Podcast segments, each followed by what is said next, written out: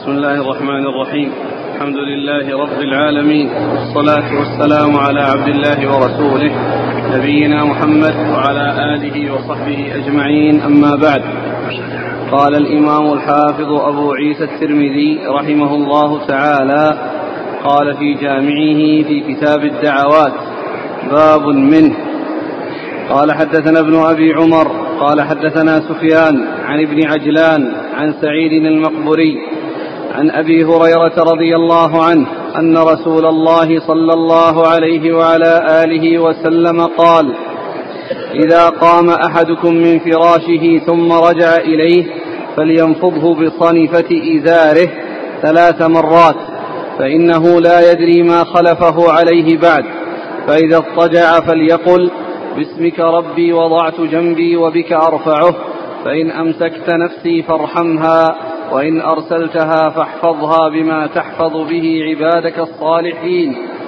فإذا استيقظ فليقل الحمد لله الذي عافاني في جسدي ورد علي روحي وأذن لي بذكره. قال وفي الباب عن جابر وعائشة رضي الله عنهما قال حديث أبي هريرة حديث حسن وروى بعضهم هذا الحديث وقال فلينفضه بداخلة إزاره.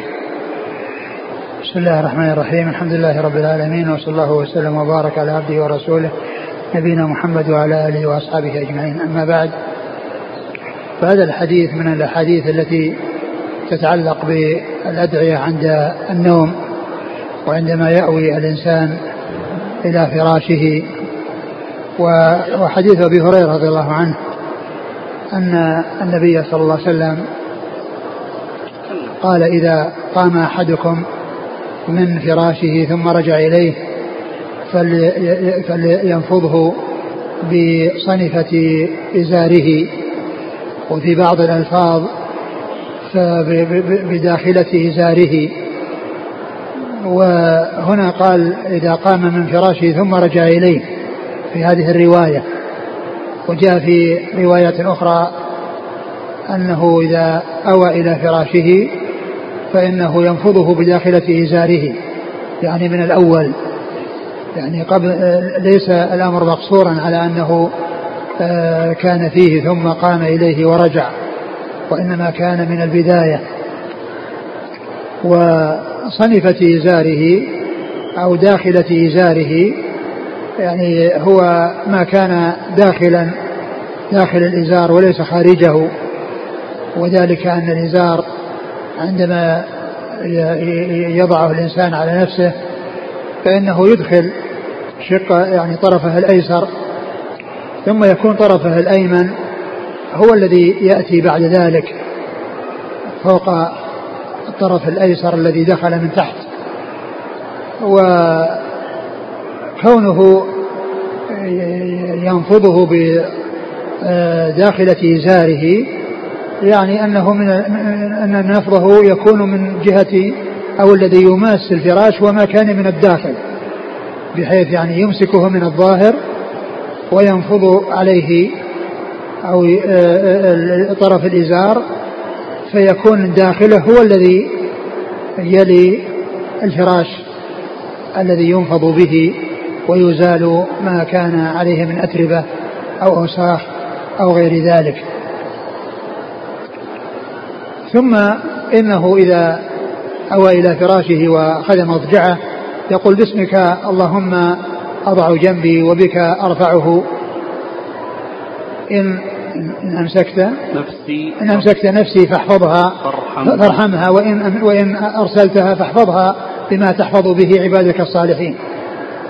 يعني أمسكت باسمك اللهم أضع جنبي وبك أرفعه. يعني بك أنام وبك أستيقظ. يعني بقدرتك وبفضلك وبإحسانك وبرحمتك أضع جنبي نائما وأرفعه مستيقظا. فالكل بالله بداية ونهاية. ثم ذكر ما يتعلق بالنفس وهي الروح. إن أمسكت نفسي فارحمها.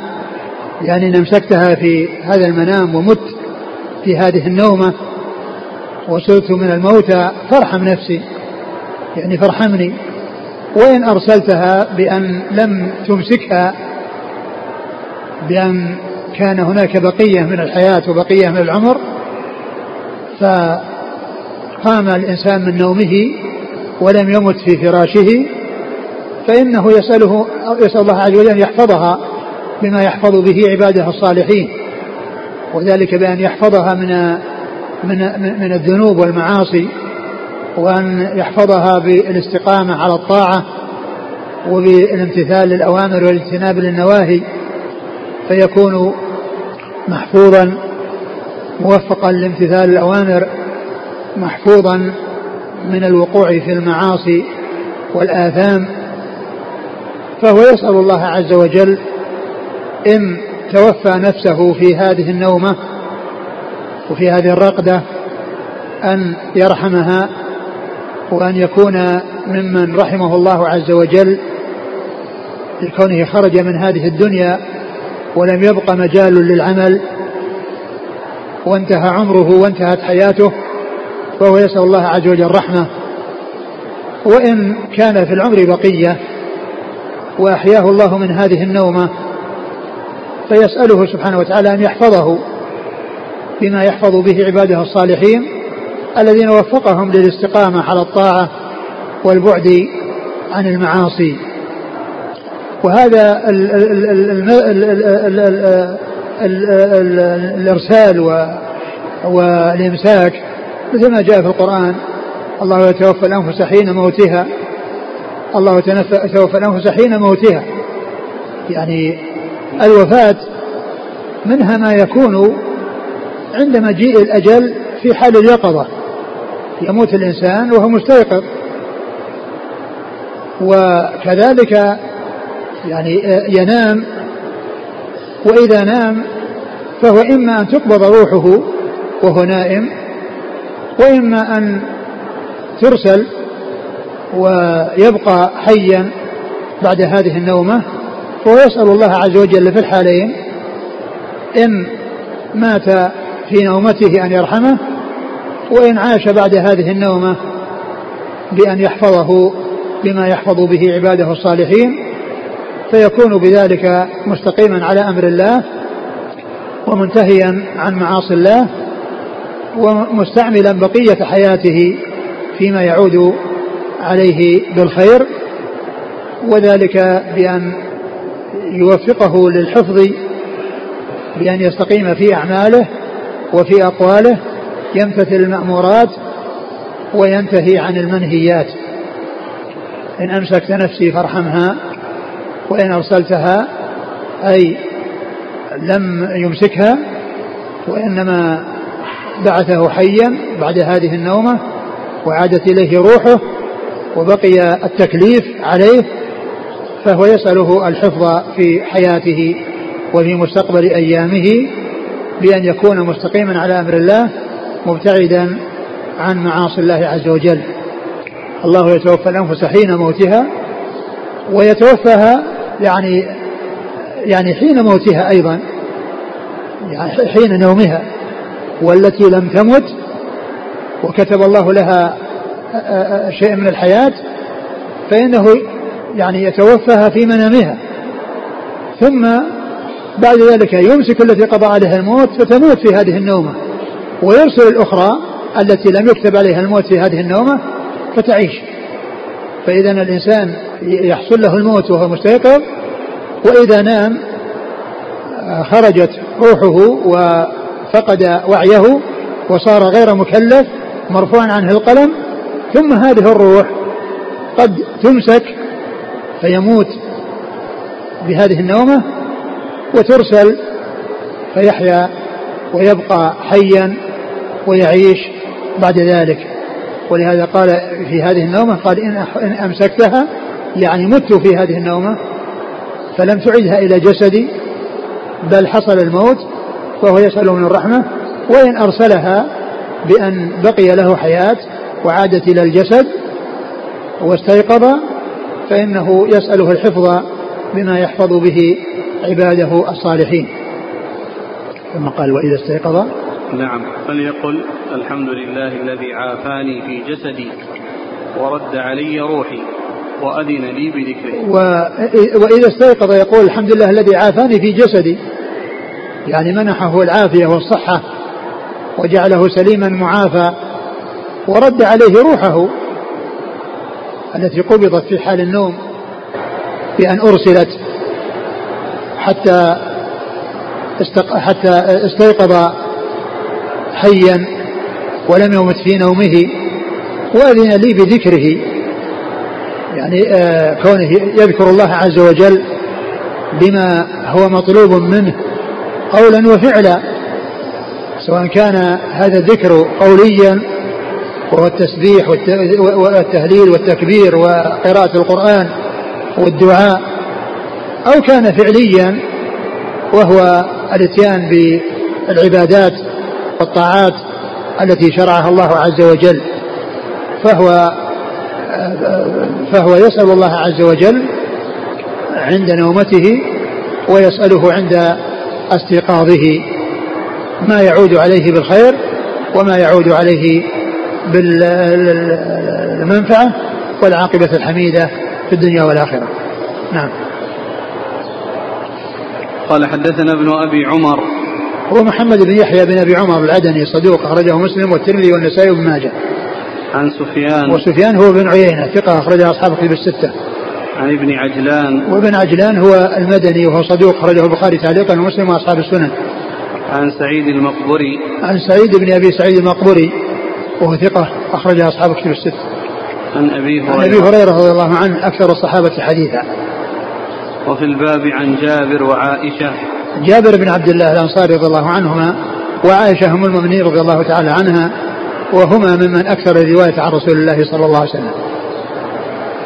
قوله صلى الله عليه وسلم فاحفظها بما تحفظ به عبادك الصالحين. هل هناك حفظ خاص؟ نعم.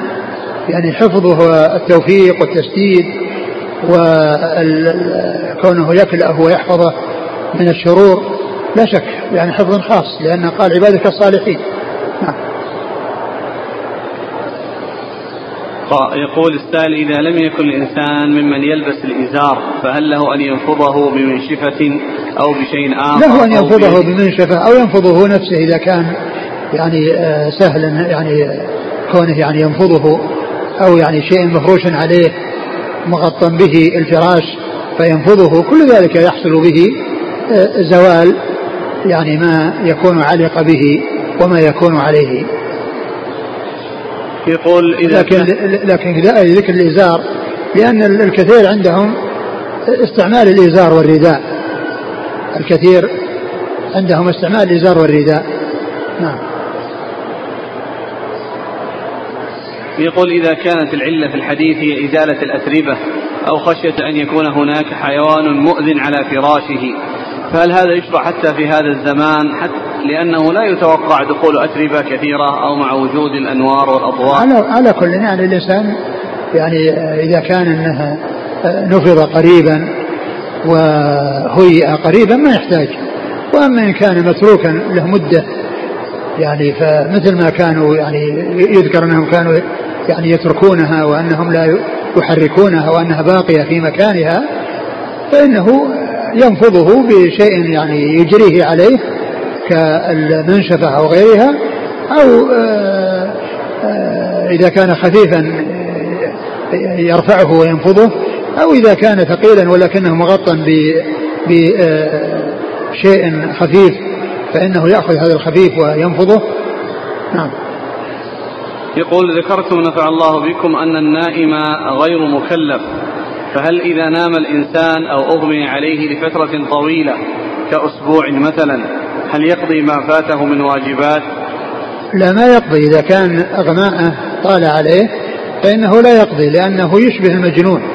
ولكنه إذا كان الفترة قليلة فإنه يقضي. بعض العلماء حدد بثلاثة أيام. يعني إذا كان ثلاثة أيام فأقل يقضى وما كان أكثر من ذلك فإنه لا يقضى. لأنه إذا كان يعني الفترة قليلة يشبه بالنائم وإذا كانت الفترة طويلة يشبه بالمجنون. نعم. إذا نام الإنسان تخرج روحه كما تخرج الروح عند الموت الحقيقي؟ لا لا يقال أنها تخرج. لأن خروجها الموت الحقيقي فارقته و وليس هناك إحساس. ومعلوم أن الذي ينام عنده إحساس إذا تكلم عنده أو يعني لمس يعني يتنبه. فيعني خروج الروح يعني ليس خروج كخروجها بالموت. يعني هذه نومة موتة صغرى وتلك موتة كبرى الذي هو الموت لأنه لا يبقى به حراك. ولو بقي مدة فإنه يتغير. وأما بالنسبة للنائم فإن عنده إحساس لو تكلم عنده تنبه ولو لمس تنبه. وهذا بخلاف الذي يموت الموتة النهائية التي بها يخرج من الدنيا. نعم. قيل إنه ينفضه لأنه يمكن أن ينام فيه شيطان. فهل هذا صحيح؟ ما أعلم يعني شيء. أقول ما أعلم يعني شيء يدل على هذا.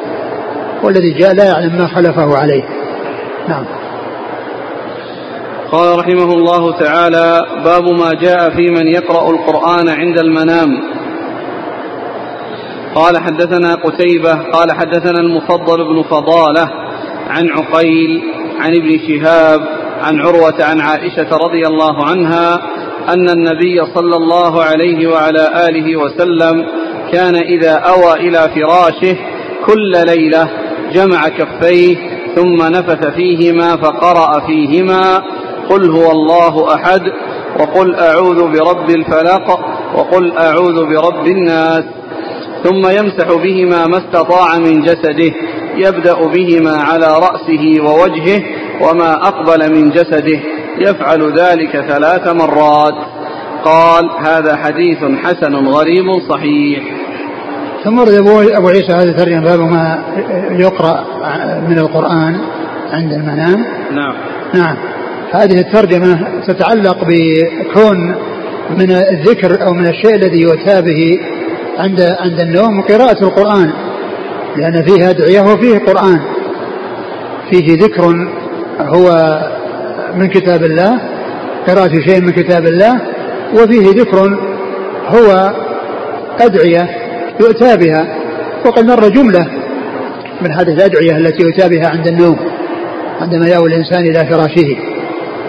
ومنها أنه يقرأ القرآن. وأورد في هذا الحديث عن عائشة رضي الله عنها أن النبي صلى الله عليه وسلم كان إذا أوى إلى فراشه جمع كفيه وقرأ فيهما ونفث يقرأ قل هو الله أحد وقل أعوذ برب الفلق وقل أعوذ برب الناس ويمسح بهما وجهه رأسه ووجهه ويعني ما أمكنه من جسده. يبدأ بما بمقدمه ويعني ينتهي إلى ما استطاع أن يفعله من جسده. يعني من يمينه وشماله ومن وراءه الشيء الذي يمكنه ذلك. ففيه القراءة لهذه السور الثلاث العظيمة. سورة الإخلاص وقل والمعوذتين والمعوذتين وأنه ينفث فيهما يعني في قراءته ويمسح بهما رأسه ووجهه وما أمكن من جسده وإذا هذا مما يفعل ومما يكون عند النوم ولكن ذلك يكون على طهارة لا يكون جنبا يعني يفعل هذا الفعل وهو غير جنب لأن قراءة القرآن لا تكون للجنب. وإنما يأتي بالأذكار وكذلك يأتي بهذه الأشياء لكن الأذكار يؤتى بها في حال الجنابة وغيرها. وأما بالنسبة للقرآن فإنه يؤتى به في حال الطهارة وعدم الجنابة. نعم. قال حدثنا قتيبة. قتيبة بن سعيد ثقة أخرج أصحاب الكتب الستة. عن المفضل بن فضالة. وهو القتباني ثقة أخرج له. أصحاب الكتب. نعم. عن عقيل. عقيل بن خالد بن عقيل الأيلي وهو ثقة أخرج أصحاب الكتب الستة. عن ابن شهاب. عن ابن شهاب محمد بن مسلم بن عبد الله بن شهاب ثقة أخرج أصحاب الكتب الستة. عن عروة. عروة بن الزبير بن العوام ثقة فقيه أخرج أصحاب الكتب الستة. عن عائشة. عن عائشة أم المؤمنين رضي الله عنها وأرضاها الصديقة بنت الصديق وهي ممن أكثر الرواية عن رسول الله صلى الله عليه وسلم.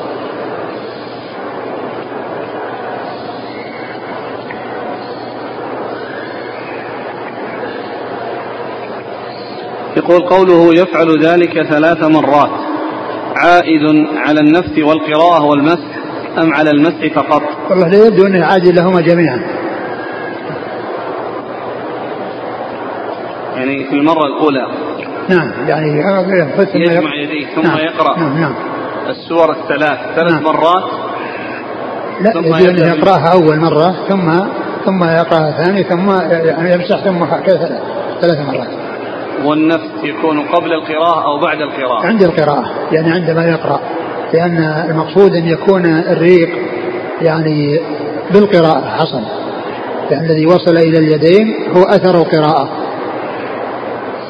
لأن أحسن الله لك الحديث جمع كفيه ثم نفث فيهما. يعني يمكن يكون على التقديم والتأخير على التقديم والتأخير أو أن أن, أن يعني ال أن أن, أن يعني يكون يعني أنه يجمع بينهما كونه يعني يقرأ وينفذ والمقصود من المسح هو ما علق باليد باليدين من من أثر قراءة القرآن. وإذا كان النفس يعني يعني حصل يعني وتكرر يعني قبل وبعد يكون حصل المقصود لكن المهم في الأمر هو أثر يعني القراءة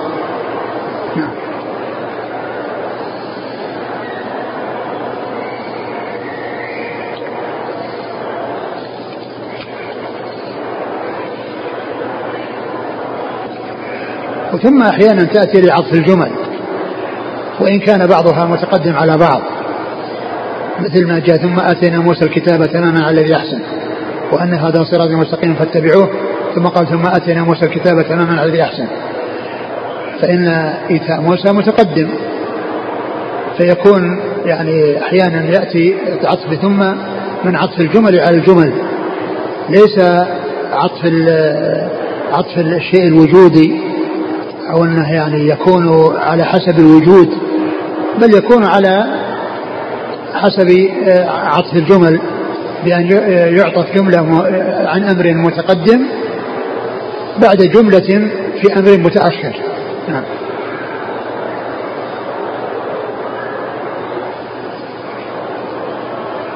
هذه الطريقة هل يمكن أن تعمل مثلا في الصباح والمساء؟ أراد الإنسان أن يحرز نفسه فيستخدم هذه الطريقة هل له ذلك؟ الإنسان يتقيد بما ورد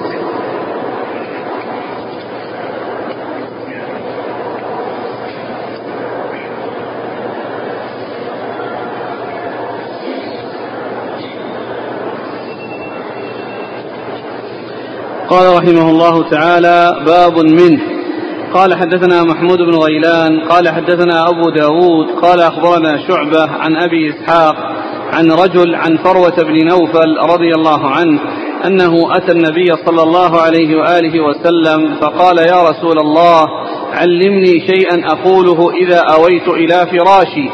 قال اقرأ قل يا أيها الكافرون فإنها براءة من الشرك. قال شعبة أحيانا يقول مرة وأحيانا لا يقولها.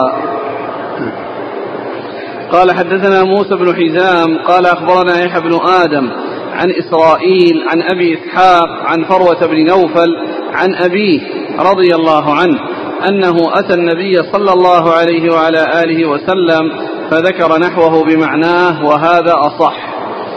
قال أبو عيسى وروى زهير هذا الحديث عن أبي إسحاق عن فروة بن نوفل عن أبيه عن النبي صلى الله عليه وسلم نحوه.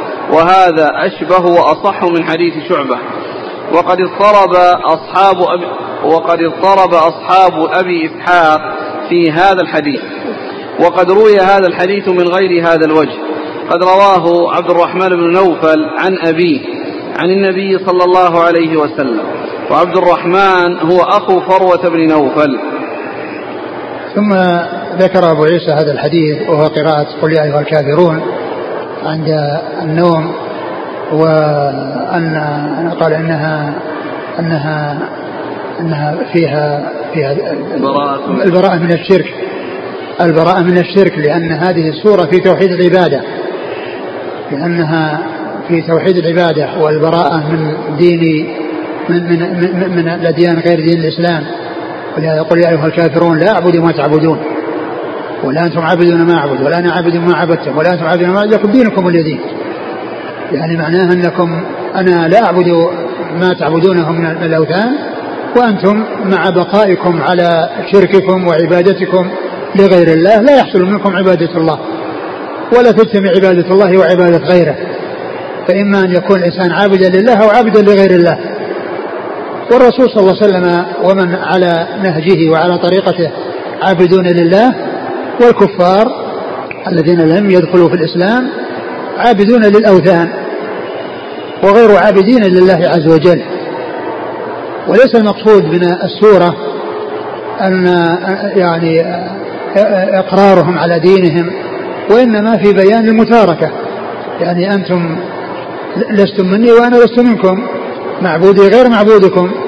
إذا بقيتم على ما أنتم عليه فأنتم غير عابدين لمعبودي وأنا غير عابد لمعبودكم. فهو سبحانه فهو صلى الله عليه وسلم آه، ومن تبعه على دينه يخلصون العبادة لله عز وجل والكفار مع بقائهم على شركهم فإنهم مشركون بالله عز وجل. ولهذا قال إنها أن إنها فيها السلامة من الشرك لأن فيها الخلاص من الشرك والتبرؤ من الشرك. وإخلاص العبادة لله وحده لا شريك له الذي هو مقتضى لا إله إلا الله الذي هو مقتضى لا إله إلا الله. ولهذا يقال لهذه السورة مع سورة آه، قل هو الله أحد سورة الإخلاص لأن هذه فيها إخلاص العبادة وتلك فيها آه، آه، العبادة وفيها الألوهية أو فيها الأسماء والصفات. قل هو الله أحد الله الصمد الصمد الذي تصمد إليه الخلائق بحوائجها ويلجأون إليه في كشف ما ما يحذرونه وما يخشونه وفي تحصيل ما يريدونه. فقيل لهاتين السورتين سورة الإخلاص. واشتهر بسورة الإخلاص قل هو الله أحد. وأما هذه السورة فهي سورة الكافرون ولكنها تجمع مع قل هو الله أحد ويقال لهما سورة الإخلاص. وهذه آه، مشتملة على تقرير توحيد توحيد الألوهية وهو إفراد الله بالعبادة والبعد من الشرك وعدم صرف شيء من أنواع العبادة لغير الله الذي هو الشرك بالله عز وجل. وهو في بعض في بعض الروايات قال مرة يعني إنه قال يقولها مرة وفي بعضها السكوت وليس فيه ذكر المرة. نعم.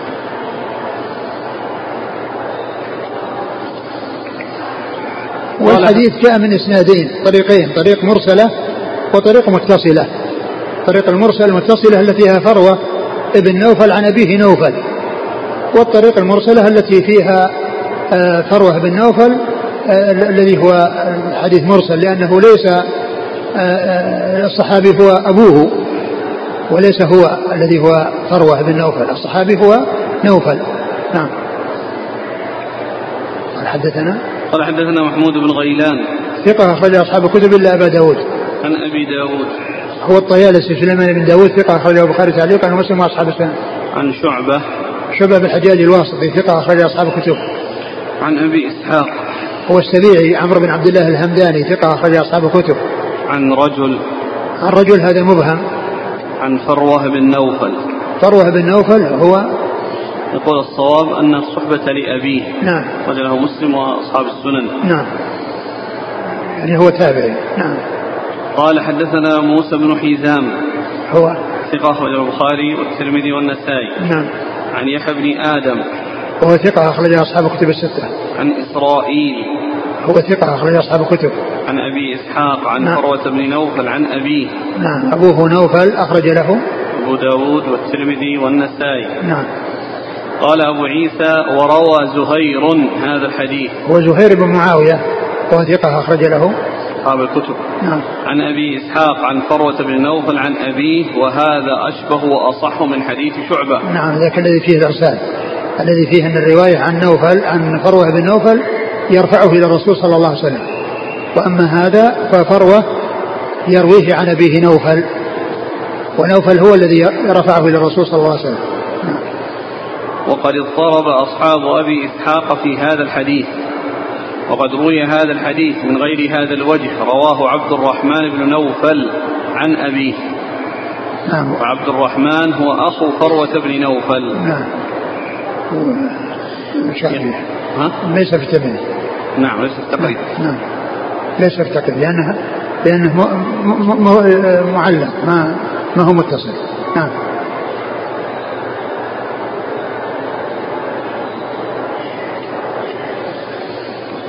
يقول السائل فضيلة الشيخ ثبت في المسند وصححه الشيخ الألباني رحمه الله في صحيح الترغيب والترهيب من حديث نوفل الأشجعي.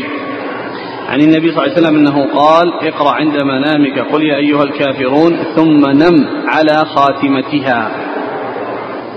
وجاء في حديث البراء اللهم أسلمت نفسي إليك ووجهت وجهي إليك إلى آخره. قال واجعلهن من آخر كلامك. فكيف الجمع بينه وبين ما سبق يمكن. أيهما؟ يمكن. يمكن أن يكون يختم بهذا مرة وبهذا مرة.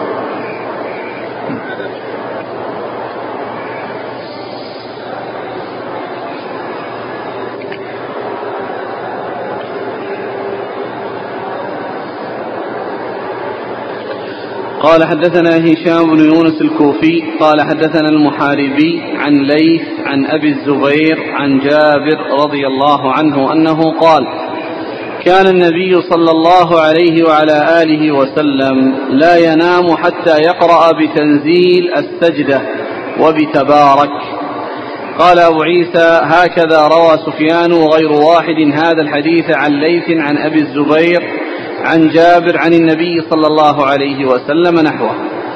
وروى زهير هذا الحديث عن أبي الزبير قال قلت له سمعته من جابر؟ قال لم أسمعه من جابر إنما سمعته من صفوان أو ابن صفوان. وروى شبابة عن مغيرة بن مسلم عن أبي الزبير عن جابر نحو حديث الليث. ثم ورد أبو عيسى هذا الحديث عن عن جابر قال كان النبي صلى الله عليه وسلم لا ينام نعم كان النبي لا ينام حتى يقرأ ألف لام السجدة وتبارك الذي بيده الملك. والمقصود من هذا أنه كان يقرأها قبل النوم لكن ليس بلازم أن يكون بعد أن يأوي إلى فراشه يعني معناه توجد منه قراءتها قبل أن ينام. وقد يكون ذلك قبل أن يصل إلى منامه وقد يكون ذلك بعد وصوله إلى منامه. لكنه ليس فيه أنه إذا أوى إلى فراشه قرأها وإنما فيه أنه يقرأها قبل أن ينام. وهذا يدخل فيه أن يكون قريب متصلا بالنوم وأن يكون بينه وبينه وقت بأن يقرأها مثلا بعد العشاء وقبل أن يأوي إلى فراشه. فالحديث يدل على قراءة هاتين السورتين قبل النوم ولكن لا يلزم أن يكون بعد أن يأوي إلى الفراش. فيمكن أن يقرأها بعد العشاء وأن يكون ذلك قبل أن يذهب إلى فراشه ويمكن أن يكون ذلك عند النوم وكل ذلك يكون قبل النوم. وليس فيه التنصيص على أنه إذا أوى إلى فراشه. نعم. قال حدثنا هشام بن يونس الكوفي. هو؟ ثقة غير الترمذي. نعم. عن المحاربي. هو عبد الرحمن ابن محمد بن زياد لا؟ بأس لا بأس به. نعم. قال له أصحاب الكتب. لا بأس به بمعنى صدوق. نعم. عن ليث. ليث بن أبي سليم وهو صدوق اختلط فلم يتميز حديثه فترك. نعم. قال البخاري تعليقا ومسلم. لكنه لم ينفرد به. فيه فيه يعني روايات أخرى. يعني ذكرها المصنف وقال إنه أرجح. نعم. نعم. قال البخاري تعليقا ومسلم وأصحاب السنن. عن أبي الزبير. أبو الزبير محمد بن مسلم بن تدرس المكي صدوق خرج أصحاب الكتب. عن جابر. نعم. قال أبو عيسى هكذا روى سفيان وغير واحد هذا الحديث عن ليث. نعم. سفيان. هو الثوري. نعم. وروى زهير هذا الحديث عن أبي الزبير. قال قلت له سمعته من جابر قال لم أسمعه من جابر إنما سمعته من صفوان أو ابن صفوان. يعني معناه إن فيه واسطة. يعني لو سمعه بواسطة. يعني بينه وبين جابر وهو صفوان أو ابن صفوان. صفوان بن عبد الله بن صفوان وينسب إلى جده. فيقال ابن صفوان وهو صفوان ابن صفوان منسوبا إلى جده. وصفوان بن عبد الله بن صفوان وهو؟ ثقة أخرج البخاري المفرد ومسلم والنسائي وابن ماجه. نعم.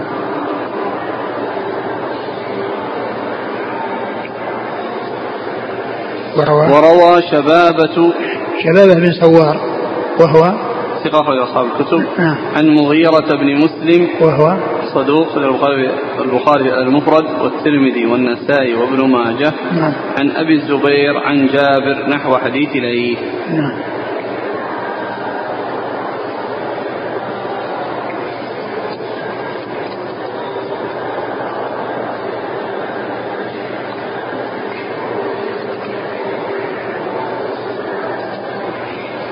يقول هل يستفاد من هذا الحديث أن النبي صلى الله عليه وسلم كان يديم ذلك في لياليه كلها؟ آه معلوم أن كان الغالب فيها أنها تفيد الاستمرار والتكرار ولكن كما عرفنا في بعض الأحاديث أن أن كان أحيانا تأتي لغير الاستمرار والتكرار وقد مر بنا قريبا الحديث الذي الذي الذي فيه حديث مر بنا قريبا في أن كان أنها لا تفيد تدل على عدم التكرار والحديث المشهور الذي ذكرته كنت قول عائشة كنت طيب رسول الله صلى الله عليه وسلم لإحرامه قبل أن يحرم ولحله قبل أن يطوف البيت. مر بنا حديث قريب في هذا الذي فيه إيش الحديث؟ نعم. أي حديث؟ نعم. نعم بدأ بنفسه. كان إذا دعا لأحد بدأ بنفسه لأنه جاء نصوص تدل على أنه يدعو دون أن يبدأ بنفسه. يعني جاء نصوص يدعو لغيره من أحد من أمته ويدعو لبعض الأنبياء. دون أن يدعو لنفسه فهي تفيد يعني تفيد التكرار وتفيد وتدل على غير التكرار.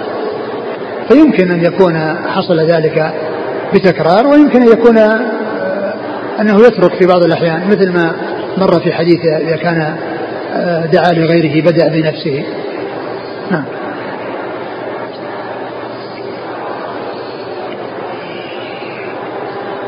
قال حدثنا صالح بن عبد الله قال حدثنا حماد بن زيد عن أبي لبابة قال قلت قال قالت عائشة رضي الله عنها كان النبي صلى الله عليه وعلى آله وسلم لا ينام حتى يقرأ الزمر وبني إسرائيل. قال أخبرني محمد بن إسماعيل قال أبو لبابة هذا اسمه مروان مولى عبد الرحمن بن زياد وسمع من عائشة سمع منه حماد بن زيد. وهذا مثل الحديث الذي قبله. يعني كان يقرأ يعني لا ينام حتى يقرأ آه، بني إسرائيل والزمر. بني إسرائيل للإسراء لأنها تسمى سورة بني إسرائيل.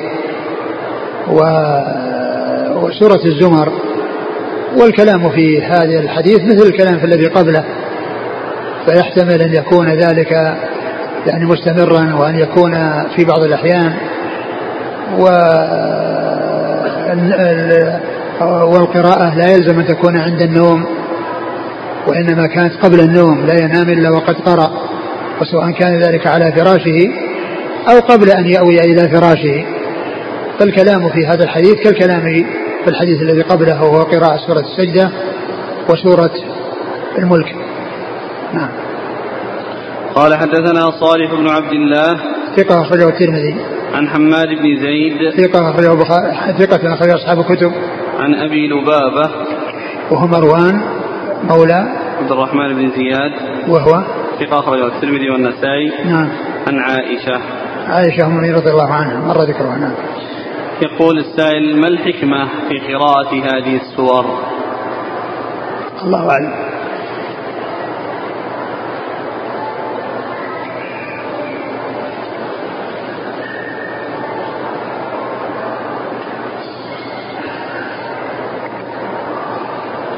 قال حدثنا علي بن حجر قال أخبرنا بقية بن الوليد عن بحير بن سعد عن خالد بن معدان عن عبد الله بن أبي بلال عن العرباض بن سارية رضي الله عنه أن النبي صلى الله عليه وعلى آله وسلم كان لا ينام حتى يقرأ المسبحات ويقول فيها آية خير من ألف آية. هذا حديث حسن غريب. هذا الحديث سبق أن مر في ما مضى في كتاب التفسير وهو في في سنده بقية وهو مدلس وفي سنده عبد الله بن أبي بلال نعم. وهو مقبول يعني لم يتابع فالحديث ضعيف غير صحيح. وقد مر أن الشيخ الألباني ضعفه هناك وحسنه هنا ولكنه ضعيف. وقد ضعفه في صحيح في ضعيف الترغيب. وفيه هاتان العلتان تدريس بقية وكون آه، عبد الله بن أبي بلال مقبول يعتبر حديثه حيث يتابع ولن يتابع فالحديث غير صحيح. والمسبحات هي آه، سبح لله ما في السماوات في في ثلاث في ثلاث سور سورة الحديد وسورة الحشر. وسورة الصف وفي يسبح آه، في سورتين سورة الجمعة وسورة التغابن وسبح آه، اسم ربك الأعلى. فهذه ست هي التي يقال لها المسبحات أي التي بدأت بالتسبيح سواء كان الفعل ماضيا أو مضارعا أو أمرا. سبح بالماضي في ثلاث مواضع في ثلاث سور ويسبح في سورتين اللي هي المضارع وسبح الأمر في موضع واحد أو في سورة سورة الأعلى. نعم. قال حدثنا علي بن حجر. علي بن حجر بن إياس السعدي ثقة أخرج له البخاري ومسلم والترمذي والنسائي. عن بقية بن الوليد. وهو صدوق. كثير التدليس عن الضعفاء. نعم. البخاري تعليقا ومسلم وأصحاب السنن. نعم. عن بحير بن سعد. وهو وهو ثقة أخرج البخاري المفرد وأصحاب السنن. نعم. عن خالد بن معدان. وهو ثقة أخرج أصحاب الكتب. نعم. عن عبد الله بن أبي بلال. وهو مقبول أخرج له. أبو داود والترمذي والنسائي. نعم. عن العرباض بن سارية. رضي الله عنه أخرج له أصحاب السنن. تقدم الحديث 2921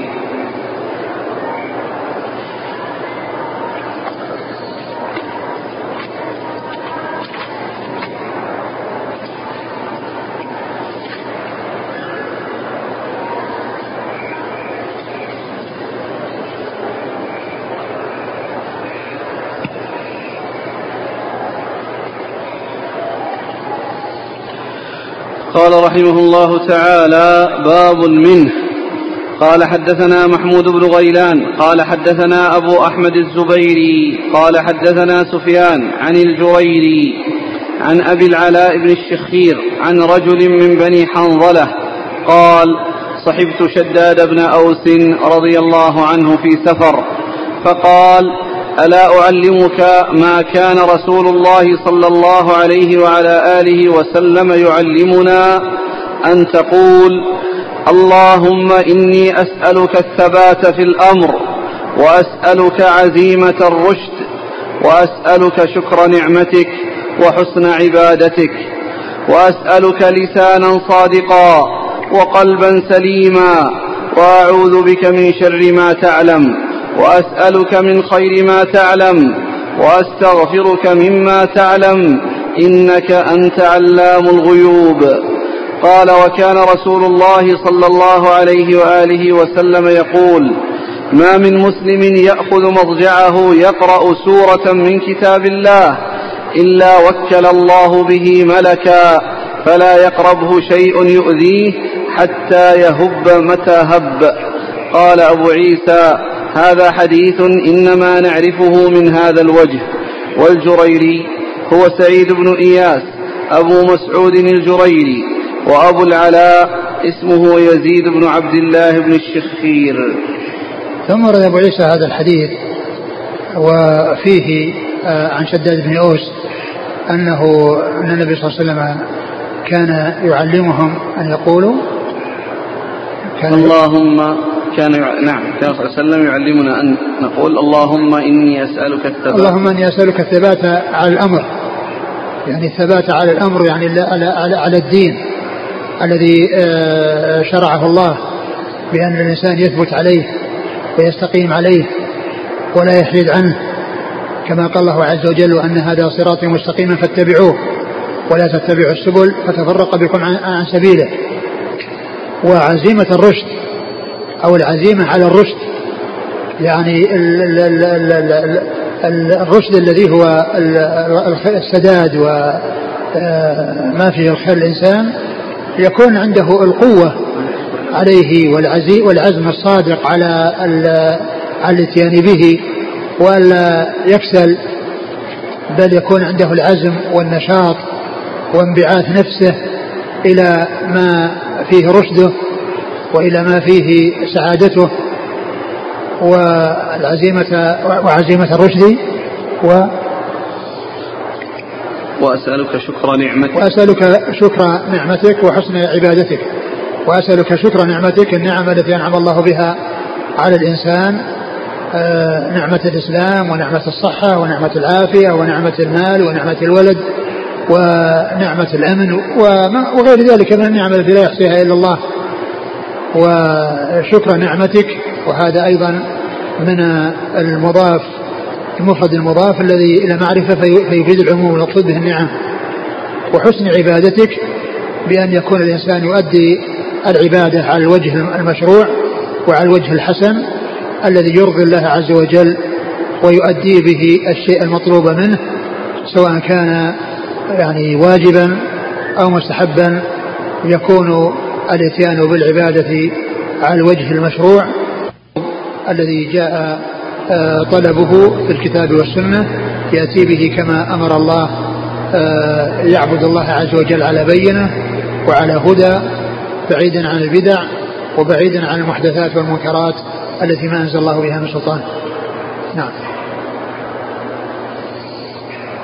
وأسألك شكر نعمتك وحسن عبادتك. نعم. وأسألك لسانا صادقا وقلبا سليما. وأسألك لسانا صادقا وقلبا سليما يعني يكون ظاهره كون ظاهره وباطنه سليم بحيث يكون القلب يعني سليما ليس عنده فيه شرك وليس فيه انحراف.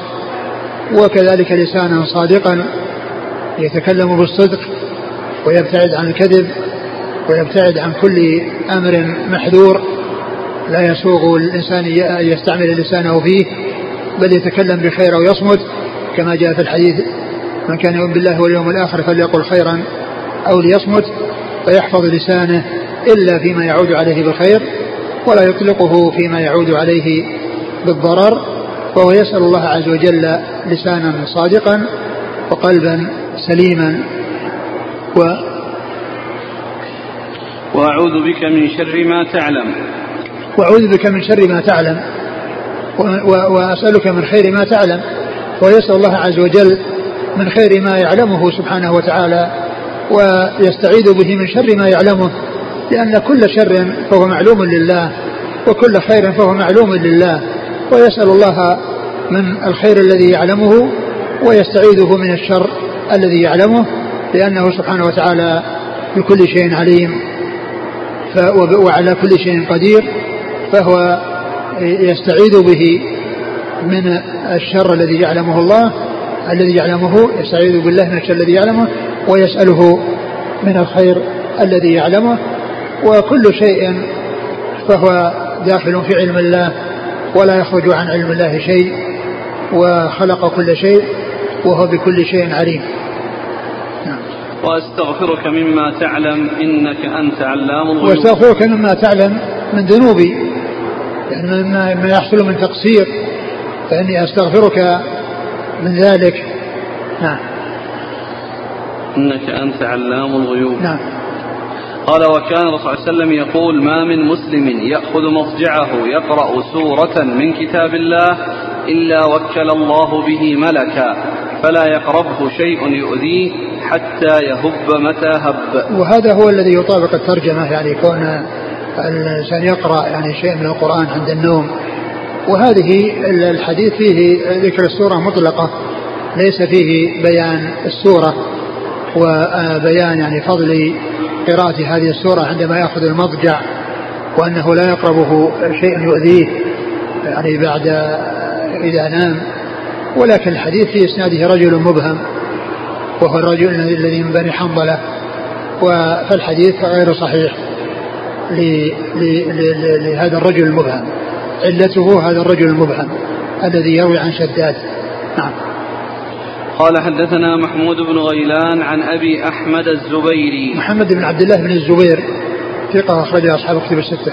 عن سفيان عن الجريري. سفيان هو الثوري والجريري سعيد بن إياس الجريري ثقة أخرج أصحاب كتب الستة.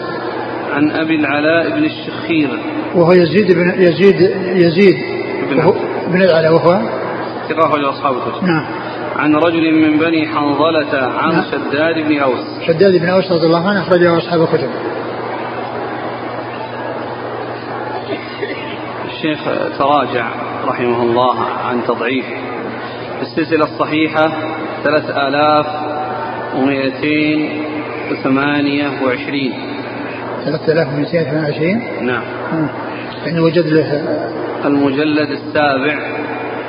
القسم الثاني. لا يكفي الرقم. صح. قال 3228 أيوه.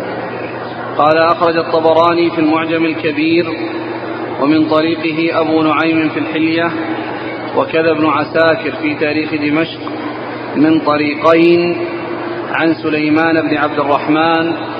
قال حدثنا إسماعيل بن عياش. قال حدثني محمد بن يزيد الرحبي. عن أبي الأشعث الصنعاني عن شداد بن أوس قال قال رسول الله صلى الله عليه وسلم يا شداد بن أوس إذا رأيت الناس قد اكتنزوا الذهب والفضة فأكثر هؤلاء كلمات.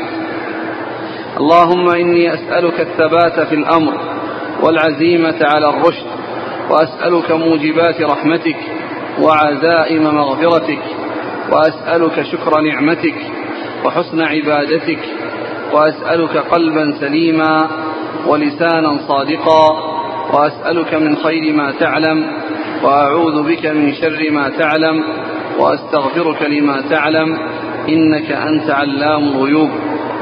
قلت أي الألباني رحمه الله وهذا إسناد جيد رجاله ثقات وفي بعضهم خلاف لا يضر. سليمان بن عبد الرحمن هو ابن بنت شرحبيل أبو أيوب الدمشقي. قال الذهبي في الكاشف مفت ثقة لكنه مكثر عن الضعفاء. إسماعيل بن عياش ثقة في روايته عن الشاميين وهذه منها. محمد بن يزيد الرحبي هو دمشقي له ترجمة في تاريخ دمشق لابن عساكر. وأفاد أنه روى عنه خمسة آخرون غير إسماعيل بن عياش وأكثرهم ثقات وقد ذكره ابن حبان في الثقات وذكره أبو زرعة الدمشقي في تسمية نفر ذوي إسناد وعلم. أبو الأشعث الصنعاني اسمه شراحير بن آدة فهو ثقة من رجال مسلم فصح الإسناد والحمد لله. ثم ذكر الألباني رحمه الله طرقا للحديث لا تخلو من ضعف أو جهالة أو انقطاع وذكر الحديث الإسناد الذي عند الترمذي وفيه ذكر الرجل الحنظلي. قال والحنظلي لم أعرف وانظر تعليقي على المشكاة 995 على كل يعني ما دام أن الإسناد يعني جاء من غير طريق الحنظلي فيكون يعني هذا طريق أيضا له أصل. ويعني يقوى أو يقوي يعني غيره أو يقوى بغيره. فما دام أن المسألة لم يكن الانفراد يعني من هذه الطريق لكن هذا خاص بالحديث الأول أو الجزء الأول من الحديث الذي هو الدعاء من دون ذكر السورة.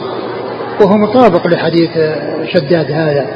يعني هذا الحديث الذي ذكره عند الطبراني وعند غيره آه، مطابق لفظه للفظ هذا الحديث في الدعاء الذي هو القسم الأول من الحديث. نعم. لكن هذا 3222 إيه؟ نعم. هذا يذكر فائدة يقول أن الحافظ بن حجر له رسالة في شرح هذا الحديث والرسالة مطبوعة لم يذكر اسمها. يفيدنا بالاسم. نفس الحديث؟ اي نعم.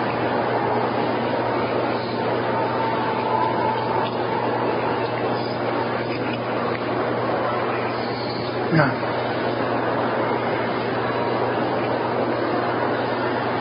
قال رحمه الله تعالى باب ما جاء في التسبيح والتكبير والتحميد عند المنام. قال حدثنا أبو الخطاب زياد بن يحيى البصري. قال حدثنا أزهر السمان عن ابن عون عن ابن سيرين عن عبيدة عن علي رضي الله عنه أنه قال شكت إلي فاطمة رضي الله عنها مجل يديها من الطحين. فقلت لو أتيت أباك فسألته خادما. فقال ألا أدلكما على ما هو خير لكما من الخادم؟ إذا أخذتما مرجعكما تقولان ثلاثا وثلاثين وثلاثا وثلاثين وأربعا وثلاثين.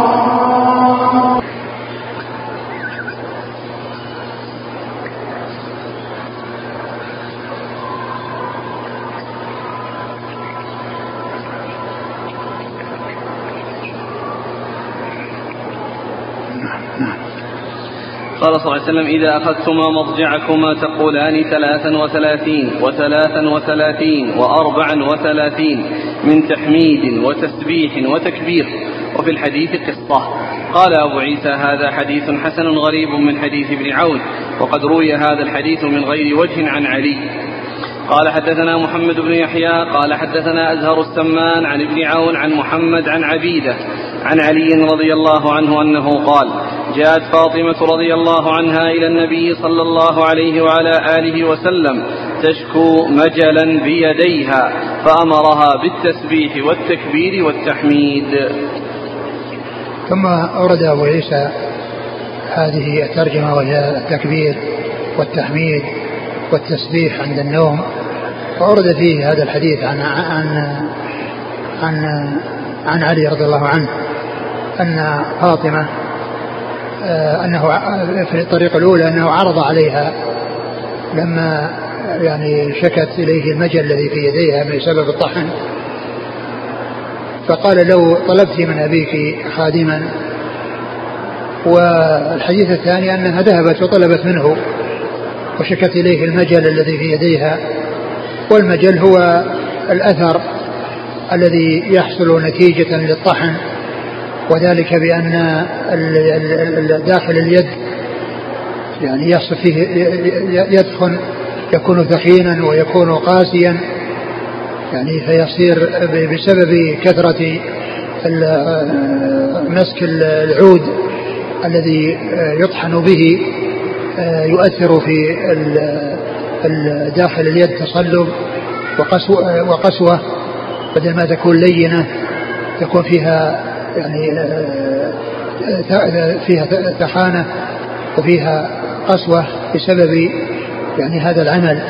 هذا يقال له المجل. فالرسول صلى الله عليه وسلم قال لا أدلكما على ما هو خير لكما من قادم وهذا الخير هو خير لهم في الآخرة لأنهم إذا تعبوا وعملوا واحتسبوا فإنهم يؤجرون على ذلك. وأيضا يعني أيضا وأن فيه يعني هذا الذكر فيه أنه من أسباب القوة والنشاط وأن يكون عندهم القوة على هذا العمل مما يعوض أو يكون به التعويض عن الخادم. فكل من المعنيين صحيح. كونهم يحصلون أجرا على ما يحصل من التعب في آه، أعمالهم فإنهم يؤجرون على ذلك مع الاحتساب.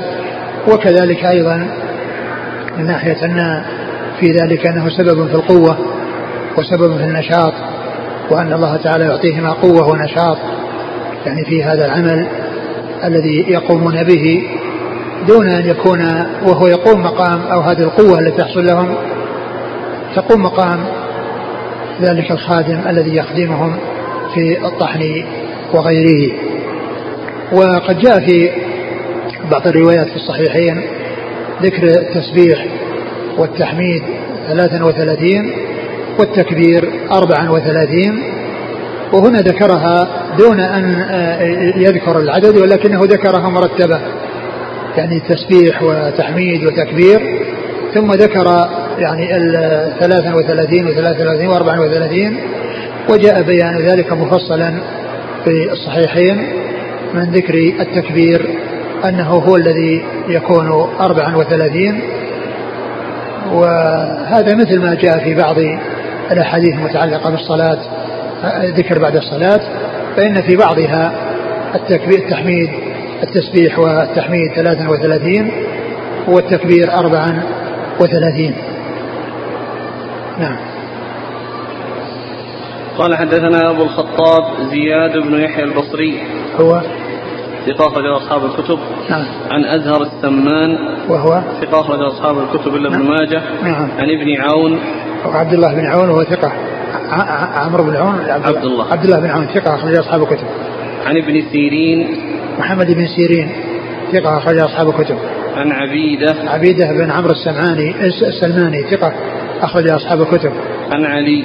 علي بن أبي طالب رضي الله عنه أمير المؤمنين ورابع الخلفاء الراشدين الهاديين المهديين.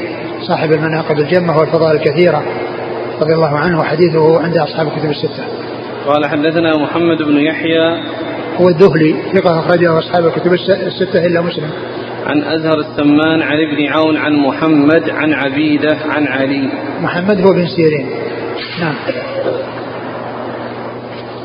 انتهى. والله أعلم وصلى الله وسلم وبارك على عبده ورسوله محمد وعلى آله وأصحابه أجمعين. جزاكم الله خيرا وبارك الله فيكم. ألهمكم الله الصواب ووفقكم للحق. نفعنا الله بما سمعنا وغفر الله لنا ولكم وللمسلمين أجمعين. آمين. يقول الأخ هل في هذا الحديث دليل على أن الأذكار لها أثر حسي على جسد الإنسان؟ نعم لا شك. أقول هذا الحديث يدل على هذا. فائدة قال الحافظ ابن حجر في الفتح في المجلد الحادي عشر في الحديث أن من واظب على هذا الذكر عند النوم لم يصبه إعياء لأن فاطمة شكت التعب من العمل فأحالها صلى الله عليه وسلم على ذلك. كذا أفاده ابن تيمية. وفيه نظر ولا يتعين رفع التعب بل يحتمل أن يكون بل يحتمل أن يكون من واظب عليه لا يتضرر بكثرة العمل ولا يشق عليه ولو حصل له التعب والله أعلم. نعم. هذا كلام صحيح. لأنه قد يتعب ولكنه يعني ما ما يحصل له الضرر. وقد يكون فيه المعنى الثاني الذي هو والجمع بينهما ممكن. قضية أن يكون يحصل خيرية في الآخرة على ما يحصل من تعب ونصب وأيضا يحصل القوة بسبب هذه الأذكار. نعم.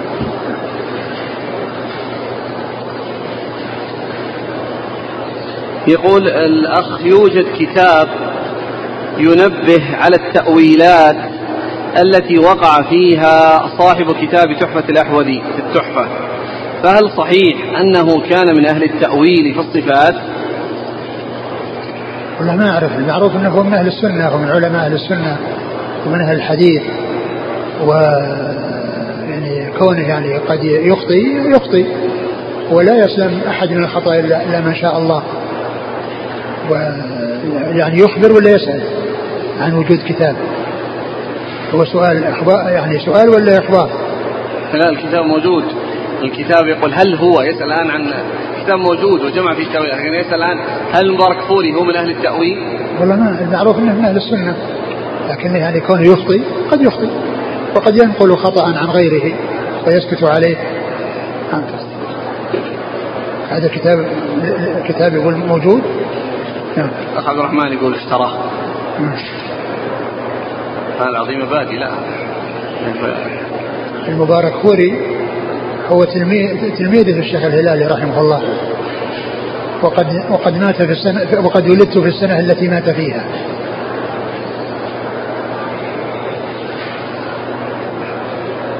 ما رأي فضيلتكم فيما نشر في إحدى الصحف المحلية؟ يقول لما صدرت وثيقة القادر بالله العباسي التي قرر